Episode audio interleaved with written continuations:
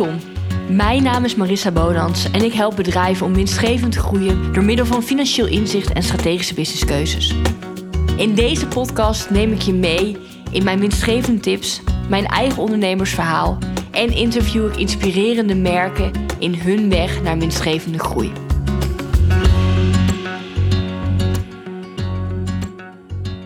Welkom, welkom bij de Evalueer de maand februari podcast. Wat ik in deze podcast ga doen, is mijn maand februari met jullie evalueren op financieel vlak, op algemeen vlak.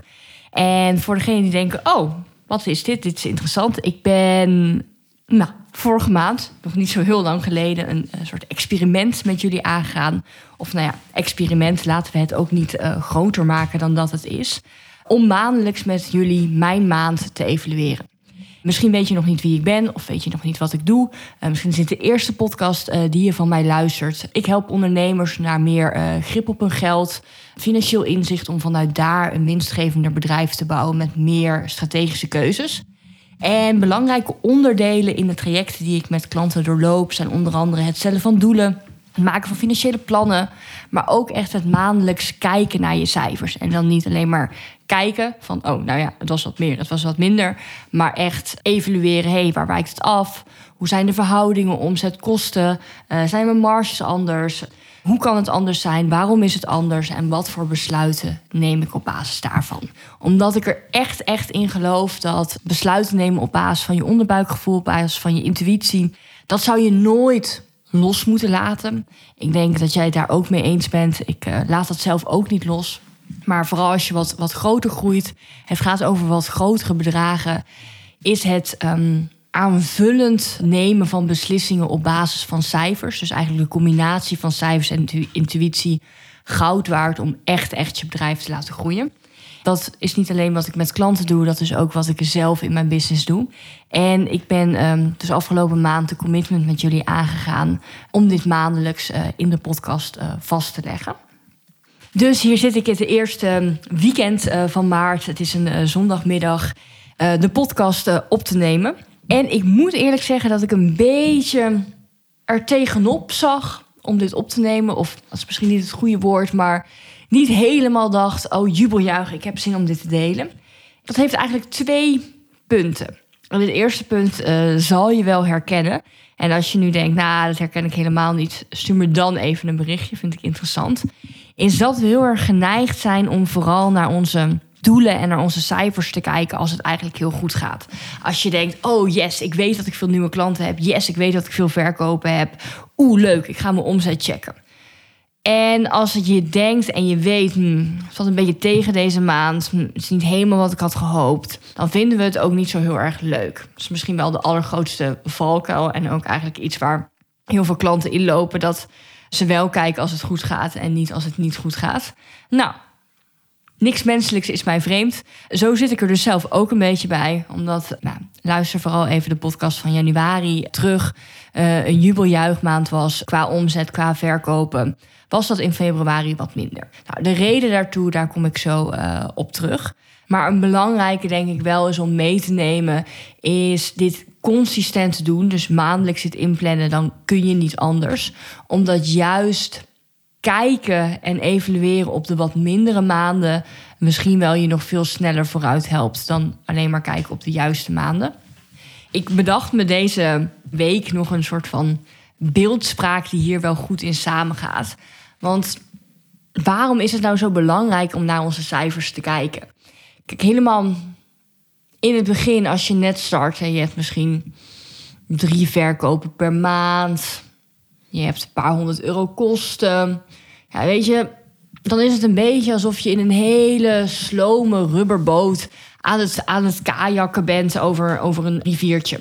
En als je dan een keertje tegen een steen botst of je, je hebt toch een uitgave gedaan die niet helemaal slim is, uh, je hebt een omzetkans laten liggen, ja, dan, is het, dan is het jammer. Dan, dan vaar je tegen de rots aan, je voelt het een beetje, niet echt, en gaat weer links of gaat weer rechts.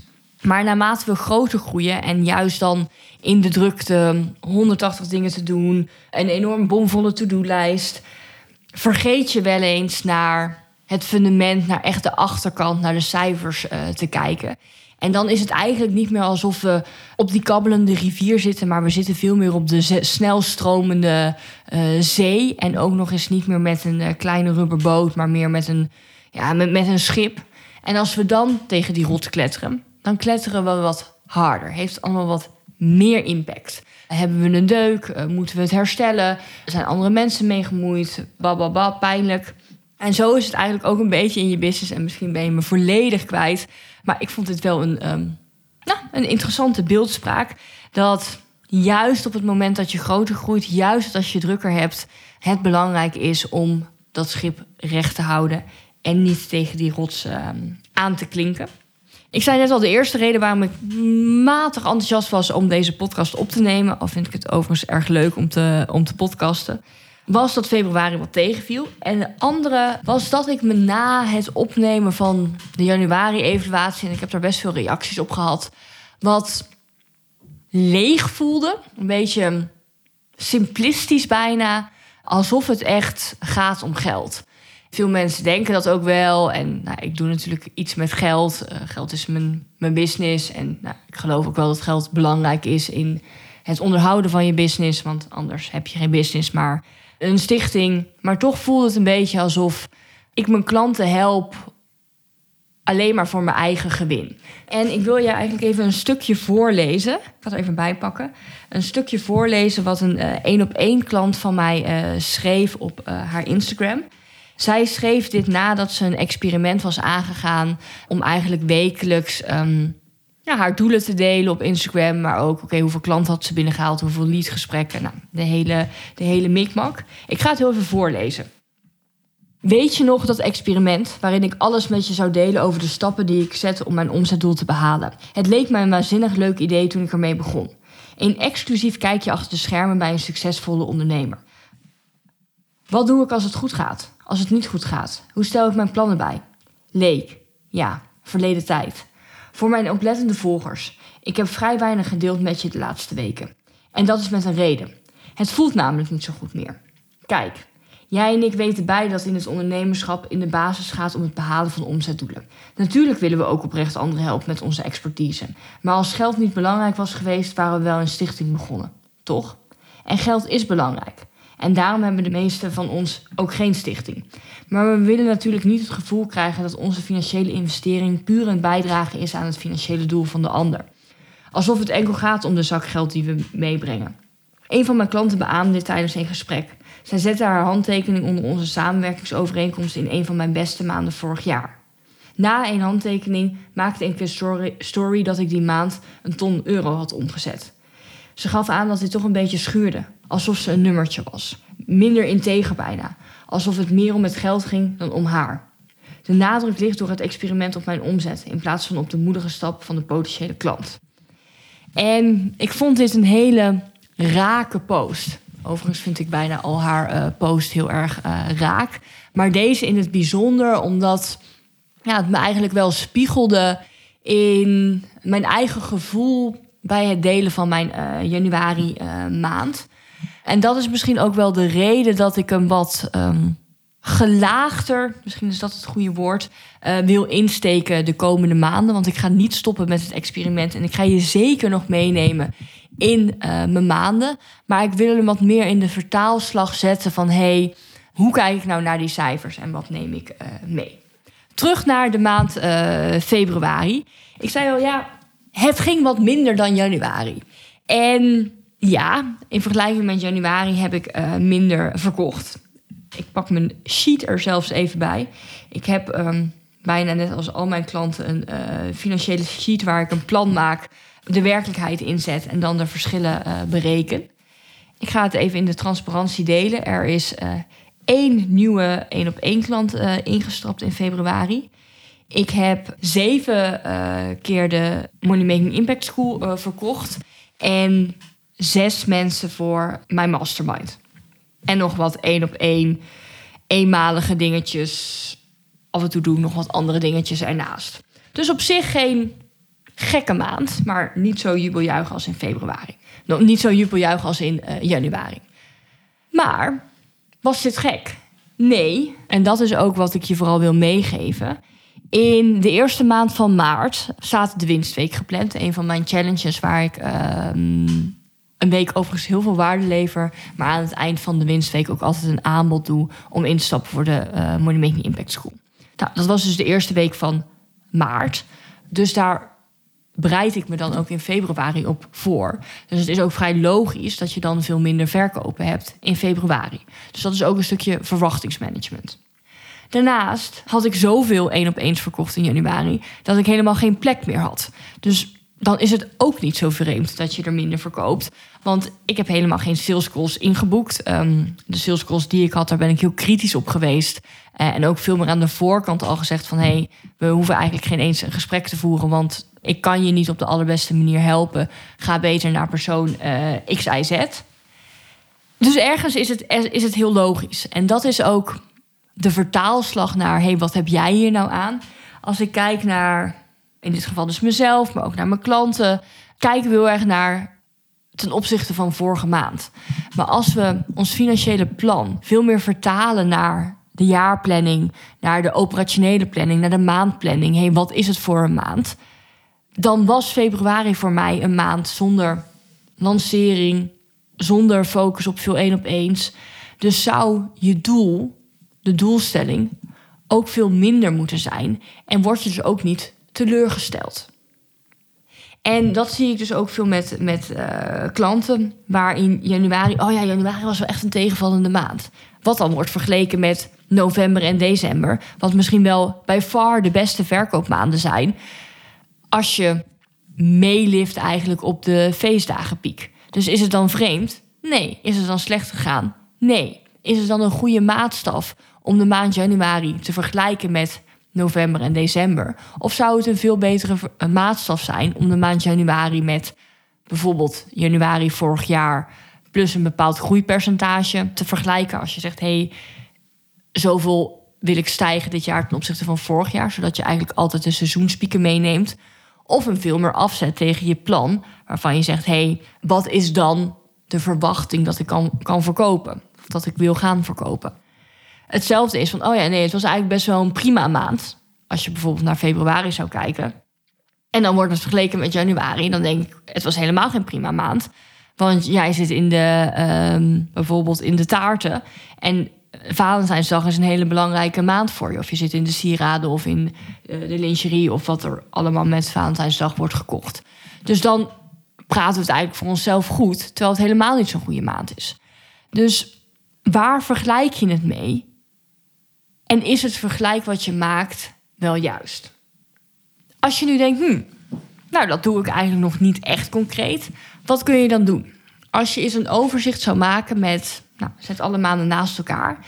En zet in de maand specifiek, hey, wat is het voor bijzondere maand? Komt er een nieuwe collectie uit? Is Pasen voor mij een piek? Is er moederdag? Is er, uh, zijn er schoolvakanties?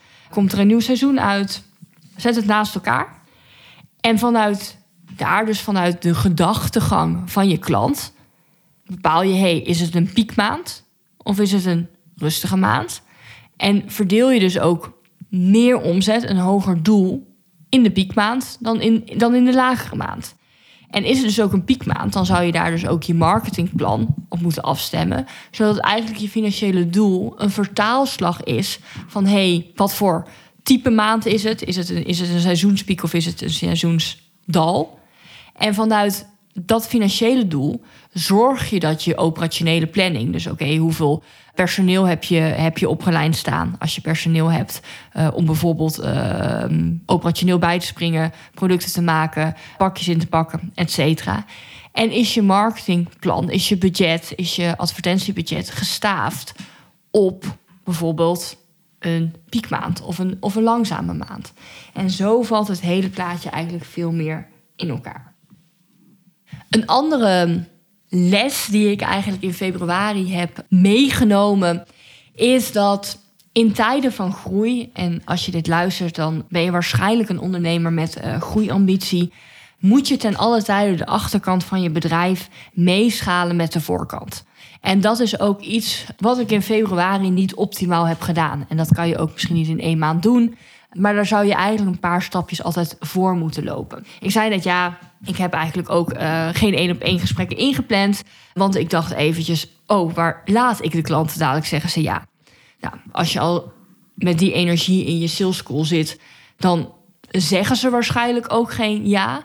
Maar als ik iets tijdiger de achterkant van mijn bedrijf had meegeschaald.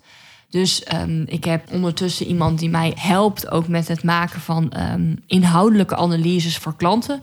Dus inhoudelijke analyses en dashboards en um, plannen en Google Sheets en documenten voor uh, één op één klanten. En hij gaat mij ook helpen met de documenten voor mijn uh, mastermind die had er eigenlijk, of hij had er eigenlijk een maandje eerder moeten zijn.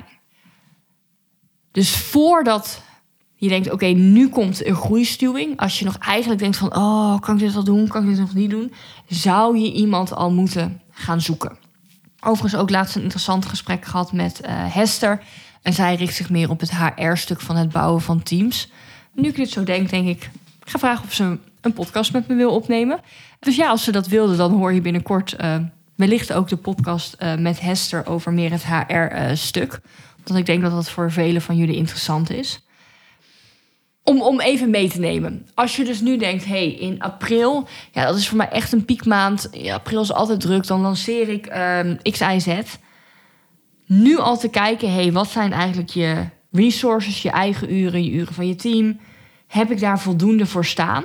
Als ik het match met mijn um, verkoopplan? Of moet ik daar eigenlijk nu, begin maart, al op bijschalen en, en, en bijsturen? Komt eigenlijk weer terug op het maken van een totale jaarplanning. Dus misschien even samenvattend. Was februari eigenlijk echt een slechte maand? Nee. Was het in vergelijking met januari een andere soort maand? Ja. Had ik daar andere verwachtingen over mogen hebben? Ja. Nou, je begrijpt me. Ik ben overigens heel benieuwd hoe jij de maand februari hebt ervaren. Of je doelen hebt behaald, of je überhaupt doelen had gesteld. Um, waarom je je doelen wel hebt gehaald, waarom je je doelen niet hebt gehaald. Of je um, er lessen uit hebt gehaald, inzichten hebt, uit hebt gehaald. En of je die met me wil uh, delen. Uh, dus ben je deze podcast aan het luisteren? Uh, of heeft deze podcast je misschien getriggerd om toch echt even de cijfers van februari erbij te pakken. En in ieder geval je omzet, je kosten op een rijtje te zetten, je winst te berekenen. En ik weet bijna zeker dat je drie punten kan opschrijven die je meeneemt voor volgende maanden. Ik zou het heel leuk vinden als je, met me, als je die met me wil uh, delen. En misschien kijk je wel naar je cijfers en denk je, ja, wat uh, zie ik nou eigenlijk? Het lijkt wel een beetje alsof ik Chinees zie. Ook dan mag je me even een berichtje sturen. En ik zei net nog even over februari van ja, en, en ik heb wat masterminds uh, verkocht. We zitten uiteindelijk nu in de eerste week van maart. Ik heb nog één plekje over voor de mastermind. Of in ieder geval, ik heb er nu nog uh, negen. En ik ben een beetje in dubio of ik met een groep van tien ga starten. Of heel misschien twintig plekjes beschikbaar stel. En dan eigenlijk twee groepen maak omdat, nou ja, deels heb ik het beloofd in de verkoop. En ik geloof dat je altijd je beloftes moet, moet waarmaken. Dat we met max 10 in de groep zitten. Maar misschien wil ik twee. Ik hoorde laatst het woord pots. En dat de groepen werden ingedeeld in pots. En toen moest ik heel erg denken over uh, aan het programma uh, Love is Blind. Waar je date en dan zie je elkaar niet. En dan zit je dus ook in een pot. Nou, maar ik dacht, misschien ga ik, uh, ga ik twee groepen van tien starten. Dus als ik dat heb besloten, nou, dan hoor je vast nog wel wat promo voorbij komen. Want dan heb ik nog wat meer plekjes. Moet ik wel eerst weer even kijken of het past. Of mijn achterkant van mijn bedrijf genoeg is meegeschaald. Om uh, daar de kwaliteit en waarde van uh, te leveren. Nou, daarover uh, later meer. Wat is die mastermind? Nou, toch even een bruggetje. Die mastermind is eigenlijk een programma. En Misschien is Mastermind nog steeds niet helemaal de juiste naam. Maar goed, die naam heeft het nu even. Voor laten we zeggen, als je al ongeveer 20k omzet per uh, maand draait. Misschien als je een heel erg kapitaalintensief product hebt, wat meer. Als je wat minder kapitaalintensief product hebt, wat, wat minder. Maar in ieder geval, je bent een gevestigde ondernemer. Je bent uit de startfase. En je wil schalen, je wil groeien. Je voelt ergens, hé, hey, ik sta aan de vooravond van de volgende stap. Ik wil personeel aannemen. Ik wil uitbreiden, een nieuw product, um, groeien in sales, maar ook groeien in structuur en in focus. En ik wil dat in nou, groepjes van max 10 um, doen. Met een beetje één op één erbij, waarin we echt even de vliegende start maken qua, qua plan. Misschien is dat dan uh, wat voor jou. Stuur me heel eventjes een uh, DM en dan uh, kan ik even met je meedenken of dat inderdaad wat voor jou is. En als ik toch um, bij team ben gebleven, dan heb je misschien of het laatste plekje of het is vol. Maar dat zien we ter zijner tijd wel. Lang verhaal kort. Ik blijf mijn experiment of belofte of commitment om maandelijks mijn maand te evalueren voortzetten. Ik kijk ook erg weer uit naar de maand maart, omdat daar staan wat leuke salesactieplannen op de planning. En die kan ik mooi volgende maand met je delen. Of in ieder geval de uitkomst daarvan. Ik wil je voor nu vooral uitnodigen om, als je het nog niet hebt gedaan, de maand februari in te duiken. Zet de omzet op een rijtje. Waar komt de omzet vandaan? Dus uit welke producten, uit welke diensten? Het is ook interessant om daar tegenover te zetten. hey, uh, wat was de kostprijs van die producten of die diensten? Dus hoeveel tijd heb je eraan besteed? Of wat was eigenlijk de marge? Wat, heb je, wat was de inkoopprijs versus de verkoopprijs? Om zo echt je meest winstgevende product uh, naar boven te brengen. Maar ook je kosten. Niet alleen puur, hey, wat heb je nou uitgegeven aan kosten, maar de verhouding van je kosten ten opzichte van je omzet. Want je omzet kan wel stijgen. Als je kosten harder meestijgen, dan is dat soms zonde. Ik heb het overigens niet helemaal niet gehad over mijn eigen kosten van de maand februari. Maar die waren vrij stabiel. Ik heb eigenlijk niks geks uitgegeven. Uh, ik heb mijn standaard VA's met veel liefde weer uh, betaald. Mijn systemen, mijn ad-kosten, advertentiekosten, websitekosten. Niks geks.